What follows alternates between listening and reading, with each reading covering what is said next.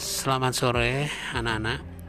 Kita jumpa lagi pada materi seni budaya khususnya seni musik Dengan tema menyanyikan lagu secara solo Atau menyanyi tunggal. Yang pertama jenis penampilan vokal solo atau menyanyi tunggal.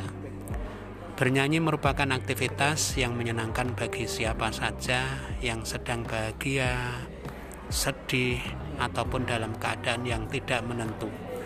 Karena dengan bernyanyi, hati menjadi terwakilkan lewat alunan musik dan lirik lagu yang indah.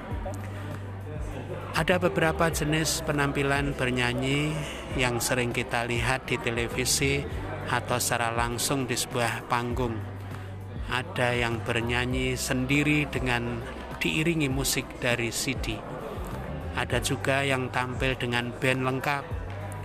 Lalu ada juga yang bernyanyi bersama-sama lebih dari dua orang.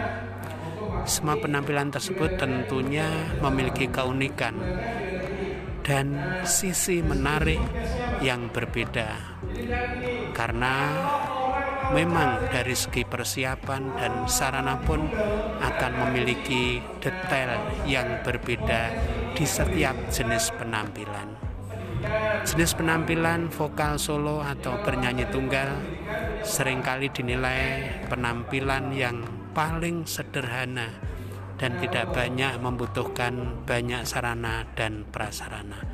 Padahal sebenarnya sama saja setiap penampilan vokal solo justru memiliki beban yang lebih berat karena seluruh keberhasilan penampilannya sangat tergantung kepada sang vokalis atau penyanyi itu sendiri.